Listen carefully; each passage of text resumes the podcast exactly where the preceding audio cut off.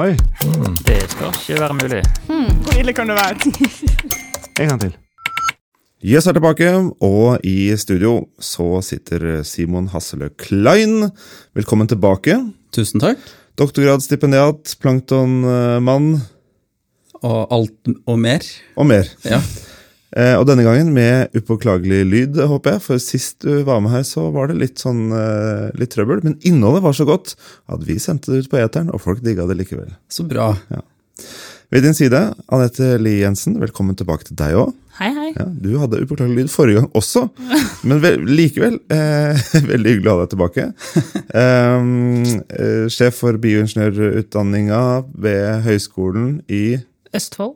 Østfold. Eh, Førsteamanuensis og undervisningsleder. Molekylær cellebiolog. Ja Det kan Ja. Ja. Ja, Alle titlene pass tar du. ja jeg tar Ja da. Ja. Jeg tar du det med meg. har du flere titler? Nei, altså, jeg kan være strikkeentusiast og pratemaker og Ja, nei. Ja, Man, man kan være det man vil. det passer ja. bra. Ja. Pratemaker eh, siden av deg kan du skru på maks. ja. neste halvtimen. For konseptet er som alltid at vi har tatt med noe av det gøyeste, rareste, snåleste, fineste vi vet om. Eh, fra planeten eller universet rundt. Som må være sant, da. Vi kan ikke finne på. Det er den eneste begrensningen. Eh, I hvert fall ikke finne på alt. eh, og så prøver vi å kile deg som lytter til oss i eh, nysgjerrigheten. Så hva har du lyst til å friste lytteren med i dag, Simon? I dag skal jeg snakke om zombieplankton. Mm, som kommer og tar deg, kanskje. Er det, ligger det en spillefilm her og Jeg tenker Sted? at uh, et, uh, en spillefilm eller en nettserie Ja. eller en uh, videospill eller noe sånt i The Last of Us, bare at det er, man må se i mikroskop, så tenker jeg at uh, da er vi good to go. Spennende. Anette? Jeg skal snakke om en vettug grunn til å drikke tiss. En vettug. Mhm. Du står ved den? den Ja da. Ja, Mm. Interessant. Interessant. Dette er jo, Jeg vet ikke om det er i tiden, men jeg vet jo at dette er noe som florerer litt sånn på utkanter av internett. Ja, det var Kanskje- en av grunnene til at jeg tenkte jeg skal ta det. Ikke Mhm. sant? Uh, jeg uh, tenkte jeg skulle snakke om uh, mulighetene for drukningsdød i verdensrommet. Hm. Hmm. Så hva vil dere høre mer? Jeg vil gjerne høre litt om tissdrikking, rett og slett. Helt, helt enig. Ja, for som eh, du sa, Andreas, så eh, er det jo litt i vinden. Det er jo en del sånne, ja, skal vi kalle det alternative kretser, som har funnet ut at man skal drive og drikke urin. eh, urine therapy og sånn. Det skal kurere alt fra kreft til Og mange- allergi til ja. Mange leger avskriver det og sier det skal du ikke gjøre, men Nei. her kommer eh, Ja, og, molekylærbiologen og sier det er en god grunn. ja. Men ikke, ikke nå. Oh, nei, okay. ok, nei, greit. eh, Få høre, da. Eh, For jeg er jo, som du også sa i sted, jeg jobber på bioingeniørutdanningen. Og jeg underviser er bioingeniør. Eh, vet dere hva en bioingeniør egentlig er?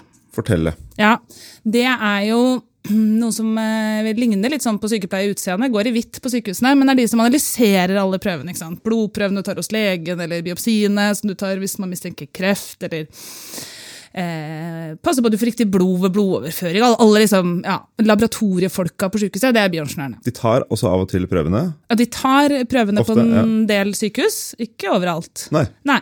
men det er de som analyserer prøvene og sender svarene tilbake. Ja. Ja.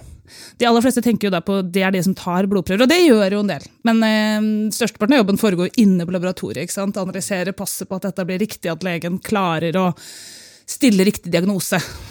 Eh, og det handler om det meste. Men det handler jo da selvfølgelig mye om blod, men også liksom vev og tiss og bæsj, selvfølgelig. Og hvis du går liksom eh, langt tilbake i tid, da, vi gjør jo tisseanalyser, ikke sant? Ikke så mye i dag. Eh, vi sjekker Det er ikke den eh, termen som brukes på sykehuset. Nei, det er urinanalyser, ja. La oss kalle det. Ja. Eh, altså, men vi bruker lite urin eh, egentlig på laboratoriet. Vi må gjøre det for rus. Ikke sant? Det er det fleste sånn, tanker på. Man legger urinprøver for, for å gjøre rusanalyser. Eh, og så kan man analysere for sukker, glukose. Ja, for så, for hvis man har diabetes og Ikke sånt, sant? eller? Ja, Hvis ok. man har diabetes. Det er ikke så mange hundre år vi har klart å gjøre analyser på det. Og hva gjorde de da før? Man kunne gjøre kjemiske analyser for å finne ut om det var sukker i urinen. De smakte på det. Ja. Ja. Eh, og diabetes heter Bioingeniørene eller legene? Var det som ja, smakte? altså, Bioingeniør er jo en relativt ny eh, yrkesgruppe. Da. Altså, det het jo ikke det den gangen. Det, var jo liksom, det fantes jo bare leger hvis du går til 100 år tilbake. Så det var vel legene som gjorde det. da. Men de legene som analyserte kroppsvæsker, de, de, de, de, når de skulle analysere urin, så titta de på det, lukta på det og smakte på det. Og så Altså, opp- liten shot. Altså, en liten, ja, altså, jeg vet ikke hvor mye de drakk av det, men de drakk noe, i hvert fall nok til å få en god smak. Litt sånn tisse-sommelier og sånt. Ja, ja, ikke sant? Eh, For du vet, Diabetes heter jo diabetes mellitus, eller det er liksom det fulle navnet. Diabetes eh, betyr vel på latin å gå igjennom, og mellitus betyr honningsøt. Så de skjønte jo ikke hva dette var, men de skjønte at noen mennesker ble syke fordi de hadde urin som smakte søtt. Ja. Eh, de hadde jo ikke så mye å gjøre med det, da. folk bare døde den gangen. Det gjør det jo ikke i dag. Eh, men jeg husker min lærer når jeg begynte på Bjørnsjøutdanningen, sa det, og så hadde vi, gjorde vi analyser i urin og sånn, og så sa han dere skal være glad for at dere går utdanningen nå, og ikke for et par hundre år siden, for da hadde vi måttet smake på det. Eh, så ja. Alle jubla i salen. Ja. Yay!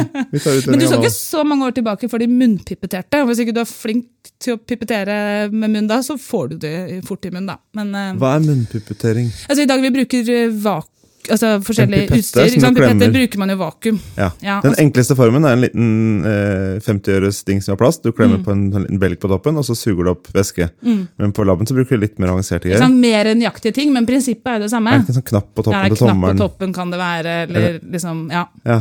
Og i gamle dager ser jeg for meg en litt sånn brun gummibelg på toppen av en glass. ja. Eller munn, da. Eller munn. Helt riktig. Ja, det er det jeg ikke skjønner. Hvordan, hva Du har bedre kontroll med munn enn du har med denne gummiballongen. Så gjorde man da? Hvis du skal være helt nøyaktig, så sugde de da inn med, hadde rør i munnen som er sugerør, da, med liksom Sugerør med litt tynn spiss, Ja, og så suge opp f.eks. urin. ja med munn, ja. Hvis Også, du skal være veldig nøyaktig på målingene. Og så må du stoppe før det Ja. går for langt. Ja, nei, når jeg gikk på utdanningen, så måtte vi starte, starte vi med å munnpipettere, men da vann, da. Ja, ikke sant. Men det var mer for å få en følelse på hvordan det var. Det er jo ikke mine studenter i dag, de går rett på automatpipettene, altså disse som er eh, automatiske og nøyaktige. Ja. Men uh, hvor lenge smakte vi, eller smakte bioingeniørene på Tista? Nei, eh, de første kjem, altså enzymanalysene her kom på, på tidlig ja, slutten av 1800- tidlig 1900-tall, så vi har i hvert fall gått godt og vel 100 år hvor man har skjønt at vi kan gjøre dette kjemisk. Da bruker man egentlig enzymene som kroppen vår bruker på ulike måter å bryte ned sukker, og så får man jo farga produkter, og så leser man av lysfargen fargen på det, da. Enten i instrumenter eller på disse stripsene man kan kjøpe på apoteket. Ja, Der er det jo sånn som far endrer farge ikke sant? Kan hvis du har sukkerurin. Ja. Mm. Jeg er glad for de stripsene. Slipper å smake. Ja, hell, heller strips og smak. Men had, har man diabetes og smaker på urinen, så smaker den søt. Um, ja. Ja. Men er det, altså er det en grad av søthet? Ja, jeg Eller- tror det. ja. Det er i hvert fall grad av sukker som kan si noe om altså, Kroppen fungerer jo sånn at nyrene de eh, filtrerer blodet vårt. Og så blir alt vi trenger Alt filtreres nesten. Eh, og så blir alt vi trenger, det blir tatt tilbake igjen i kroppen. Blant annet sukker. Jeg pleier å se for meg at det står noen arbeidere inni nyrene våre og eh, driver og sjøfler sukker tilbake. Men vi har bare et visst antall av disse arbeiderne, og når alle er opptatt med å sjøfle sukker tilbake, så går resten av sukkeret igjennom. Så hvis du har veldig høyt blodsukker, så bare detter sukkeret Altså blir overskuddet går ut, da. Og det er jo eh, fremdeles en indikasjon på diabetes. Man bruker ikke det så mye for å diagnosere diabetes i dag. Man har blodprøver eh, og sjekker noe som heter langtidsblodsukkeret, som er enda mer avansert enn faktisk hvor mye sukker det er i blod, men det handler om påvirkningen i blodet på den gjennomsnittlige blodsukkernivået du har hatt de siste månedene. Ikke sant? Ja. Kan jeg spørre hva slags andre kroppsvæsker smakte de på? Jeg, jeg leste litt om urin, har jeg brukt så mangt, da, men jeg fant hvert fall at i gamle dager, men det var ikke for diagnose, men en måte å få folk til å slutte å drikke, som var alkoholavhengige, så ga de dem en blanding av eh, ja, noe juice og noe greier, og sitt eget tiss og bæsj. Altså eh, ekskrementer, da. Eh, Skal vi langt tilbake? håper Ja. jeg. ja. Men det var for å få dem til å slutte å drikke? Ja, så de måtte drikke, da ga de det øl med liksom sitt egen oppi. Men jeg, men jeg vet ikke hva annet de har smakt på, nei. Jeg har ikke sjekka det. Nei. Men det er jo fremdeles, altså, lukt er jo vanlig i diagnostikken i dag. Man lukter jo på bakterier og, og sånn. Er det ikke en smittefare der? Hvis du lukter på noe på laben? Ja, du skal ikke lukte på alt, selvfølgelig. Nei, men det, ja, Men det altså, luktes. når man gror opp bakterier, rent bakterier, så har ulike bakterier ulik lukt. Jeg husker det når vi hadde mikrobiologi i utdanninga, så syns jeg ganske mye lukta E. coli etterpå. Det er ganske utrolig, for altså, jeg jobber mye med det mikrobiologiske og i det havet. da. Eh, og det er ganske utrolig hvor mange forskjellige lukter det faktisk uh, kan oppstå av ting som man ikke kan se. ikke sant? Og så er det så voldsomme lukter òg. Det er helt, uh, helt utrolig. Har ofte karakteristiske lukter òg, på disse Ja. ulike mikrobiotaene. Mm. Ja, jeg jobber eller jeg jobber jo mye med alger, og det, altså det er det mitt fagfelt er. Um, og vi jobber jo mye med giftige alger, uh, og de produserer jo masse forskjellige giftstoffer som man kan lukte. Og noen av de er jo giftige hvis du lukter de, og noen av de er jo uh, uh, ikke det, da. Men, uh, men det er veldig spesielt å lukte en giftig alge. Uh, det anbefaler jeg ikke de fleste. Kan vi hoppe det? Klarer du å lage en bro derfra til zombiealger, eller så kan vi bare Ja. Segwaye over i din historie? Ja, så, så jeg, Min bakgrunn er jo som marinbiolog, eh, og jeg jobber jo med fytoplankton, som er da plankton i havet. Eh, Og disse planktonene i havet de gjør noe ekstremt spesielt, og det er jo at de eh, tar sollys, eh, og så lager de oksygen, og bl.a. sukker. Og de utgjør jo da sant, fundamentet i hele havet for ikke bare næringsnettet, men egentlig for liv på, på planeten vår. da. Og nesten halvparten av oksygenet som vi puster, har jo, kommer jo fra disse små encellede algene som flyter rundt omkring i, i havet. Og disse her, særlig i, i våre strøk, de er ekstremt fascinerende, fordi samfunnet, altså hvilke arter som er til stede på spesifikke tidspunkter i løpet av et år, de, det varierer veldig, basert på hvor mye lys det er, eh, hvor mye næringssalter eh, og masse andre forskjellige miljøfaktorer. Um, og lys er jo kanskje noe av det viktigste, fordi eh, de trenger fotosyntese. og da er det jo ikke så mye på vinteren, mest på våren, på sommeren, og så litt mer på høsten. Mens på vinteren så er det helt, helt stille. Eh, og så er spørsmålet som man på en måte har tenkt ganske lenge, er ikke sant, hva er det som skjer med disse algene på vinteren når det ikke er nok lys til å drive fotosyntese? Har dere noen ideer? Zombieapokalypse. ja, det er bare fordi du solgte inn, men hva- Nei, de eh, hviler vel? De går vel i dvale? dvale De i, det er som en bjørn, ikke sant? De går i dvale. Uh, og det, det mange av disse her gjør da, er at de danner sånne hvilesporer. Eh, og disse hvilesporene er jo ofte tyngre enn vann, så de begynner jo å synke. Så kommer de ned til et sånn skiktningslag, hvor de da blir sånn at når våren kommer, sant, og det er nok lys, eh, så er de nærme nok overflaten til at de kan da begynne å spire. Men, eh, og her kommer zombiene, ikke alle greier å stoppe ved dette skiktningslaget, som f.eks. i Oslofjorden nå er kanskje på altså 20 meter. Noen synker ned til bunnen, og der er det jo ikke nok lys. Så det som skjer da, er at de blir en del av sedimentet, og de er kjempeviktige for den, den biologiske syklusen av næringsstoffer og eh, eller, altså, Er det det som heter sånn marin snø? Nei, det er, det er jo, det er en del av Ja. snø, blant annet. Men i havet så snør det jo. Mm. Eh, Det snør dødt materiale, det snør levende materiale. Det er masse ting som snør, og det vil si at sant, det bare regner ned til havbunnen. Um, og noen av disse sporene her, da, disse hvilesporene som skal gjøre at disse små planktoncellene greier å overleve vinteren og så begynne å spire igjen når det er lys, eh, når de når bunnen, så, så vil man jo anta at de dør. For det er ikke, altså det er ikke nok lys til, som, på våren, til og med, på havbunnen, som, eh, som kan få de til å spire. Um, og på de fleste områdene i verden, eller i havet, så er det ikke nok suspensjon, det er ikke nok som skjer på havbunnen til å få disse opp igjen. Det er ikke noe som virvler dem opp. Det er ikke noe som virvler dem opp, rett og slett. Um, så da er liksom tanken ofte vært ok, da er, de, da er de døde. Men det som vi har funnet ut nå, som egentlig ikke er så altså Dette har vi ikke visst lenge. Det er at uh, de sporene de kan overleve i tusenvis av år. Um, så nå var det noen forskere i, utenfor Sverige som uh, tok noen sedimentprøver i, havet, altså i havbunnen. Så fant de hvilesporer av noen alger som var 8000 år gamle. Eh, og de tok de inn på, eh, inn på labben sin. Tok de i en sånn petriskål, tilsatt litt fersk vann. eh, eller ikke fersk vann, men eh, fersk sjøvann med noen eh, næringsstoffer som algene trenger. Og så spirte de. Eh, og da fikk de faktisk disse 8000 år gamle algene eh, som har da hvilt i 8000 år, eh, til å spire som om, det var, som om det var noe du tok ut fra vannmassen i dag. Og det som er ekstremt kult med det, det er jo at det er en evolusjonær klokke.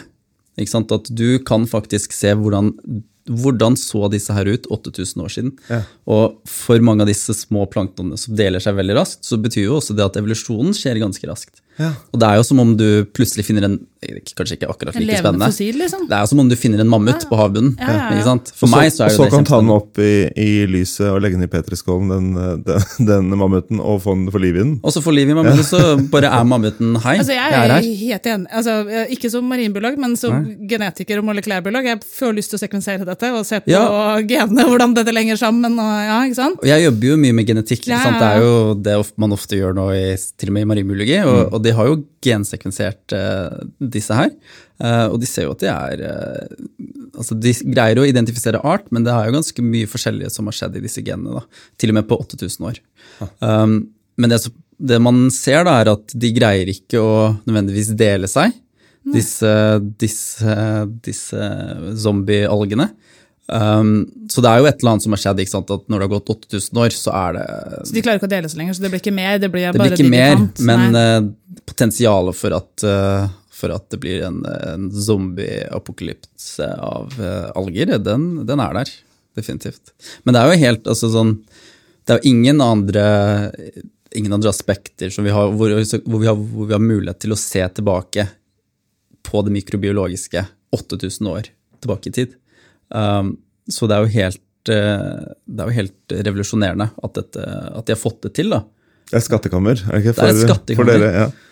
Bare Jeg blir veldig nysgjerrig på hvorfor ikke de klarer å dele seg òg. Ja, Ja. Min doktorgrad handler om celledeling. ja, Ja, så disse, det, men jeg, jeg skal sende artikkelen. ja, men, det. eh, kan vi, dette kan vi diskutere etterpå. Mm. Nå, kjære lytter, er Vi, vi skal ikke bli for nære Nå har du vitnet noe som pleier å skje etter noen av disse opptakene. Det er folk sånn, jeg skal sende artikkelen! Ja, det, kan du sende meg den du snakka om, og så kan vi ja. ja, utveksling av artikler. Ja, veldig ofte Ja, etter, eh, etter opptak. Så kult. Jeg, Ja. jeg deler eh, entusiasmen. Og så må jeg bare si, altså, ikke sant? Vi, vi hadde jo ikke vært der ikke sant? hvis det ikke hadde vært for disse her. Ikke sant? De lager oksygenet, altså Vi er helt avhengig av at de eksisterer. Men du sa fytoplankton, at det er planktonene som lever i havet. Mm. Fins det annen plankton? Ja, det finnes dyreplankton, som er eh, de som spiser disse her. Ja. Um, De er det, også i hva, hvorfor kaller vi plankton, altså både dyr og planter for plankton? Altså, Planteplankton er en del av eh, altså er noen organismer man kaller protister. Um, så selv om man kaller det planter, så er det ikke det. Men de har gitt opphav til planter. da. Eh, og protister er, noen gruppe, det er en gruppe organismer som man uh, sier at det ikke er sopp, og det ikke er dyr, og det ikke er planter. Da er det på en måte en protist. Um, eh, men plankton betyr egentlig bare at det er ting som ikke har en så veldig stor egenbevegelse. Eh, så den, disse planktonene de blir med havstrømmene. Hvis det er smått og flyter i havet, så er det plankton? Er det nesten Hvis sånn? det er smått og flyter, men eh, plankton må ikke alltid være smått. Noen maneter er plankton, og så Oi. er det, du har sett disse mola-mola-fiskene som ser ut som sånne sammenklemte pannekakefisk. Med en sånn diger finne på toppen, som ofte skylles opp på det Vestlandet. Det, de svømmer så dårlig eh, at de faktisk er plankton. Er det det som er kriteriet? Svømmer du dårlig nok? Ja, er eller ikke, ikke kan svømme. Ikke kan svømme, bare, bare med... Du bare driver med havstrømmene. ikke sant? Så min tåring toåring er eh, per definisjon en plankton. Hvis du kaster en person eh, som ikke kan å svømme, ut i, i, ut i havet, og de har et eller annet som gjør at de kan flyte, og de blir med havstrømmene, så er de plankton. Ja. ah, Det var deilig å få, få rydda opp litt. Og eh, jeg opplevde helt fantastisk morild i sommer. Ja, Jeg så det du skrev eh, ja. Er det, Og den fikk veldig bein å gå på i sosiale, medier også, så åpenbart, selv om det var håpløst filma, så syns folk konseptet er så gøy, da. Men Ja. hva, det er Det er en eh, Dyreplankton? Plank, nei, Nei? nei, det er planteplankton. Planteplankton. Eh, Men de er eh, det man kaller ofte miksotrofe. Så det vil si at de både har disse kloroplastene som gjør at de kan fange sollys, men de spiser også andre ting. Og det, du, det var kjempegodt, for jeg var også på, jeg på, eller jeg var på NRK Mm. og snakket om Orild og hadde et innslag om det. For det var et lytterspørsmål som ble sendt inn. Um, og da var spørsmålet liksom, hvorfor lyser de? Uh, og, og der er jo faktisk Det er jo en beskyttelsesmekanisme som de har for å forsvare seg mot eh, å bli spist av dyreplankton. Um, og så er det jo, ikke sant, De dukker opp på høsten, fordi det er ofte da de artene som både kan ha fotosyntese, men også spise andre ting, dukker opp. Fordi det er en sesongsvariasjon Ja. i vannmassene. Så det er bing, lys opp, Ja. ikke spis meg. Ja, og, og det, er jo ikke, det er ikke bare bing, det er som om du skulle ta en flombelysning i hele trynet. ikke sant? Fordi disse her er jo mikroskopiske, så hvis det er sterk nok til at du kan se Det er som at du er på byen, prøver å se en, en, noen du har Det er ikke sjekking der. Du har, du har lyst til å gå og spise. Jeg blander litt her nå. Du har lyst til å gå og spise noen. Et annet dyr Nå er jeg veldig spent på hvor dette eller et annet plante. Og så idet du nærmer deg Hvis jeg nærmer meg et gresskar, og det plutselig lyser opp med sånn flombelysningslampe, Ja, så er tenker jeg sånn der. det gresskaret skal jeg ikke spise. Jeg går Nei. Eller, og det blir jo ikke bare det at du, ikke, at du tenker det, det bare at du greier jo ikke å se. Ikke? Du, blir, du blir blind, Ja. så du blir jo helt forvirra. Ja. Så du har ikke sjans til å altså, Kognitive prosesser i hjernen slutter når det er så sterk gresskarlys. Gøy. Veldig gøy. Jeg gleder meg til neste Morild-sesong. Men eh, la oss dra ut i verdensrommet istedenfor. I 2013 så eh, opplevde den italienske astronauten Luca Parmitiano en eh, eh, livstruende hendelse under en romvandring. Det betyr at du prøver å gå på utsiden av, av romstasjonen. Eh, av en lekkasje inni hjelmen hans, og dette kosta ham da nesten, eh, nesten livet. Ehm, disse romvandrerne er nødvendige for å utføre reparasjoner og vedlikehold, gjøre eksperimenter utenfor romstasjonen eller utenfor et romfartøy. Eh, jeg, mitt inntrykk er at det både er nødvendig, men at disse altså, også setter ganske pris på det. Jeg det er ganske tøft å kunne komme tilbake på jorda og si at de har ikke bare vært der oppe i verdensrommet, men også vært på utsiden og gjort en romvandring. Eh, men det er jo risikabelt, så det er sikkert litt sånn eh, bittersweet opplevelse. Um, de må jo da ha på seg en spesiell romdrakt, som har et veldig kontrollert miljø. Sikre konstant tilførsel av oksygen og en passe temperatur og riktig trykk osv. Og for ti år siden, 16.07.2013, så var han her eh, Parmitiano eh, utenfor den internasjonale romstasjonen, ISS. Eh, sammen med mm, kollega og amerikaner Chris Cassidy. De skulle i seks og en halv time. For hvis du først tar på deg den drakta, her, så skal du helst gjøre litt. Så de var liksom, de hadde, det var planlagt seks og en halv times eh, arbeidsøkt på utsiden. Litt sånn rutineoppdrag. Men 45 minutter inn i romvandringen så merker han her, Parmitiano, eh, noe skjer. Vann begynner å samle seg litt sånn i, i nakken hans. Altså vann? Ja, han kjenner liksom det er noe Det er som at han liksom har svetta veldig, da. Eller at det, jeg kjente liksom vandre oppover bak i nakkehåra. Det var noe Det var litt eh, Det var rart. Han fortalte Mission Control eh, om eh, problemet. De tenkte det er ikke så veldig stress. Det er antageligvis Han har med seg en liten sånn camelback. Han har med seg en liten vannpose med, med sånn slange på som han kan drikke fra. Det er sikkert den som har gått lekk. Det er ikke krise. Kan fullføre. Eh, Så de fortsatte. Men ganske raskt så eskalerte dette her. For etter hvert, eh, bare noen minutter etterpå, så sier han at eh, vannmengden har liksom økt betraktelig og beveget seg fra bakhodet og over liksom i ansiktet og nærmer seg øynene og nesa og munnen hans. Eh, Og da bestemmer den Mission Control har fått nå kanskje vi skal avslutte dette her og komme seg tilbake til luftslusa. Det som er viktig å si her nå, de er vektløshet. Vi har sett sånne vannblobs som flyter rundt. eh, Men vannet har jo, når det da ikke har noe, når det ikke er noe som trekker det ned og bort, så har det en tendens til å feste seg til alt mulig. Så hvis du, hvis du tar vann på hånda di, så ligger det liksom rundt som en hanske eller som en vott rundt hele hånda di. Det ligger hvis du fester det på hvis jeg hadde det her nå i studio, da, så hadde det blitt sittende på mikrofonen som en blob. Det fester seg til ting og legger seg som et sånt lag. Så det at det begynner å krype fra nakken og framover, er jo som en sånn eh, lag da, på noen centimeter med vann. pute, liksom. Ja, nesten som en pute som bare og som vokser. Eh, og derfor begynner han å bli ganske desperat for at han rett og slett kan drukne. da, Med ganske lite vann. Det trenger ikke å fylle hele, Vi tenker liksom drukne i, i den romdrakta. Den fylles fra, fra ankelen opp til knærne og så videre, så fylles det opp. For det er sånn vi ville tenke at man drukner her på jorda. Han trenger bare 10 cm pute foran munn og nese. Ja. Ja. Nei, kan ikke han, da kunne han jo bare drukke det. Eller bare to centimeter. Ja, du, du kan drikke ganske, ganske heftig. Ja, jeg skal ta det opp med han. Hvorfor, Ja. hvorfor drakk du ikke Bare bare ta det opp med han parmesan. eh. Det er ikke sikkert det var vann, det visste han jo ikke. Parmitano. Ja. Nei, det går jo an å drikke tiss. Eller smake. Så. Um, det, det som verre var, var at sola hadde nettopp gått ned bak jorda. Det skjer ganske ofte, for de flyr raskt rundt. Så det er mange soloppganger og solnedganger og dager og netter i løpet av det vi kaller et uh, døgn her, uh, her, på jorda. Så akkurat nå så var det blitt uh, mørkt, så han så veldig lite. og så kom vannet inn i ørene hans og i øynene hans, så han så faktisk ingenting. Han kunne ikke kommunisere med noen heller.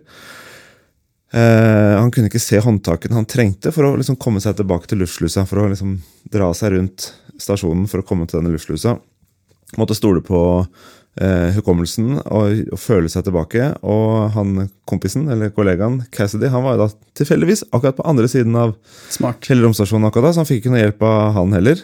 Men han klarte da ved hjelp av hukommelsen å liksom føle seg tilbake, sånn som vi gjør når vi går ut i en mørkt rom og prøver å finne mm. noe. Liksom, er det dette håndtaket? Litt, er det ikke bak der? Er det en, en hake? Jeg kan, der kan jeg holde meg fast. Og så dra seg, dra seg rundt. Um, og da var det begynt å bli ganske kritisk, så han vet jo ikke selv uh, hvor lang tid han uh, hadde igjen da, før hele hodet hans var omkapslet av vann. Uh, men han klarte å finne luftslusa, og der kom Cassidy også. etter at begge var inne i luftslusa, så utligna i trykket ikke sant, rundt dem, og eh, åpna låsen i andre enden av denne slusa. Og der eh, Karen Nyberg, eller Karen Newberg, eh, fjerna hjelmen hans og hadde håndkleet klart og tørka bort. Og han liksom forteller at han, han takka og takka og takka, takka, var jo ganske desperat. Man hørte ingenting tilbake, for han hadde fortsatt vann liksom langt inn i øret, så han hørte ikke hva de, hva de svarte tilbake. Um, og at de, Han estimerer at de tørka rundt en, en tredjedels liter fra hodet og hjelmen hans, som høres ut som ganske lite. Jeg er enig med at han kunne drukket det, men jeg vet ikke om du har kontroll. Du får det vel ikke til munnen, kanskje? da? Nei, hvis, men hvis det flyter rundt som en sånn eh, ja, Hvis du ikke plopp. har det foran munnen, så kan du puste med munnen. Ja. ja. Men hvis det kommer fra en munn, så blir det Ja. ja. Eller så kan man, altså Det går jo an å puste vann i nesa. Det er jo ikke deilig, men uh, Men Får du det i lungene, så kan du ja. Ok, det er et godt poeng. Ja. Ok, Veldig godt poeng, faktisk. Um, Men var det vann, da?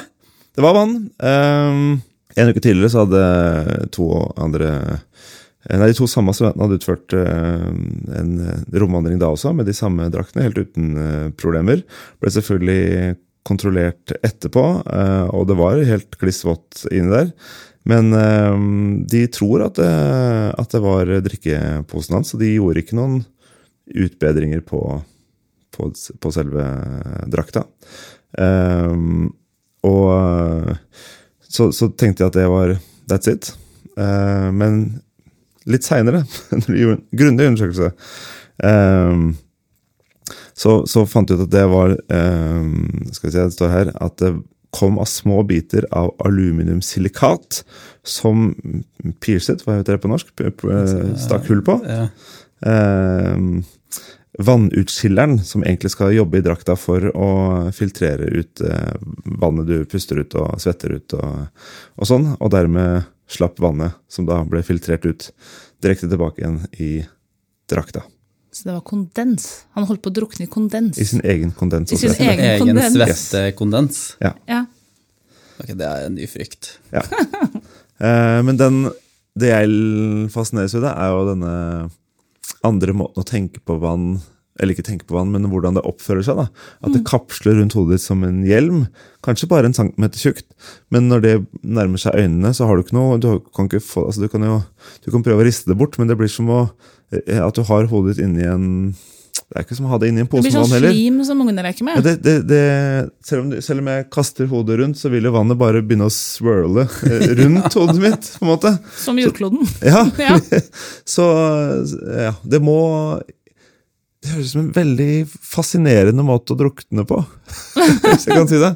At, ja. Jeg er fylt med skrekk, jeg. Jeg syns det er kjempeskummelt. Jeg vet ikke hvorfor. Jeg kommer jo aldri til å være i den situasjonen der. Nei, men, uh, ikke jeg, dessverre. Men, uh, eller heldigvis. Men jeg får jo litt lyst til å teste ut, da. Under kontrollerte Men jeg mener, og dette er jo ikke noe ment som kritikk mot parmesan, Nei. men uh, jeg elsker den andre forresten. At det høres ut som parmesan. Ja. men om, altså, drikk det neste gang. Selv hvis du ikke vet hva det er. Ja. Og det her, enten så drukner du smak. av en sånn svettkondens Gjør som i din historie. Ja, smak på det. Smak på det. Smakt først. Ja. ja. Hvis det er veldig søtt, så kan hende han ha diabetes og har tissa på seg. Og hvis det smaker som vann, da er det bare svette og kondens. Ja, for det tenkte jeg på når du sa at han skulle være ute i seks og en halv time. Så tenkte jeg, får de ikke noe mat? Men de får i hvert fall drikke, da. Eller han ja. Mm. Ja, Drikke for de. drikke for de. Ja. Det var det. Da har vi kommet dit i eh, episoden at vi må bestemme oss for hvilken av disse som var aller mest jøss. Jeg må, jeg må si at jeg syns denne svettekondensdrukninga eh, i verdensrommet den er mest jøss. Bare fordi at eh, det har anlagt en, en ny frykt som jeg ikke visste at jeg hadde. Ingen annen grunn. Og jeg satt og var helt skrekkslagen. ja, jeg kan være enig. Eh, Jeg, jeg, jeg kjenner ikke på noe frykt, da, for jeg skal, jeg skal ikke ut i verdensrommet. Nei. Eh, men, eh, men eh, det er ikke gøy. Interessant med hvordan man faktisk kan drukne på ganske mange andre måter enn å være under vann. Eh, det betyr at jeg ikke trenger å Det har ikke noe å si hva jeg nei. mener, så jeg slipper å velge mellom dere to som er gjester i denne poden. Eh, takk for det. En sjelden seier til meg. Den tar jeg med meg. Takk for at dere kom, begge to. Takk for Skal meg. vi møtes igjen snart og lage en episode til, eller? Ja, Høres ikke det hyggelig ut, da? Ja. Jo. Om et kvarter? Ja, noe Ja. sånt. Det var Ikke si, bra timing. ikke si til lytterne at vi spiller inn to og to samtidig. Nei. De vet, de vet ikke om det. Ok, eh, takk for denne gang. Eh, vi er tilbake med en ny episode om en uh, ukes eh, tid. Adjø.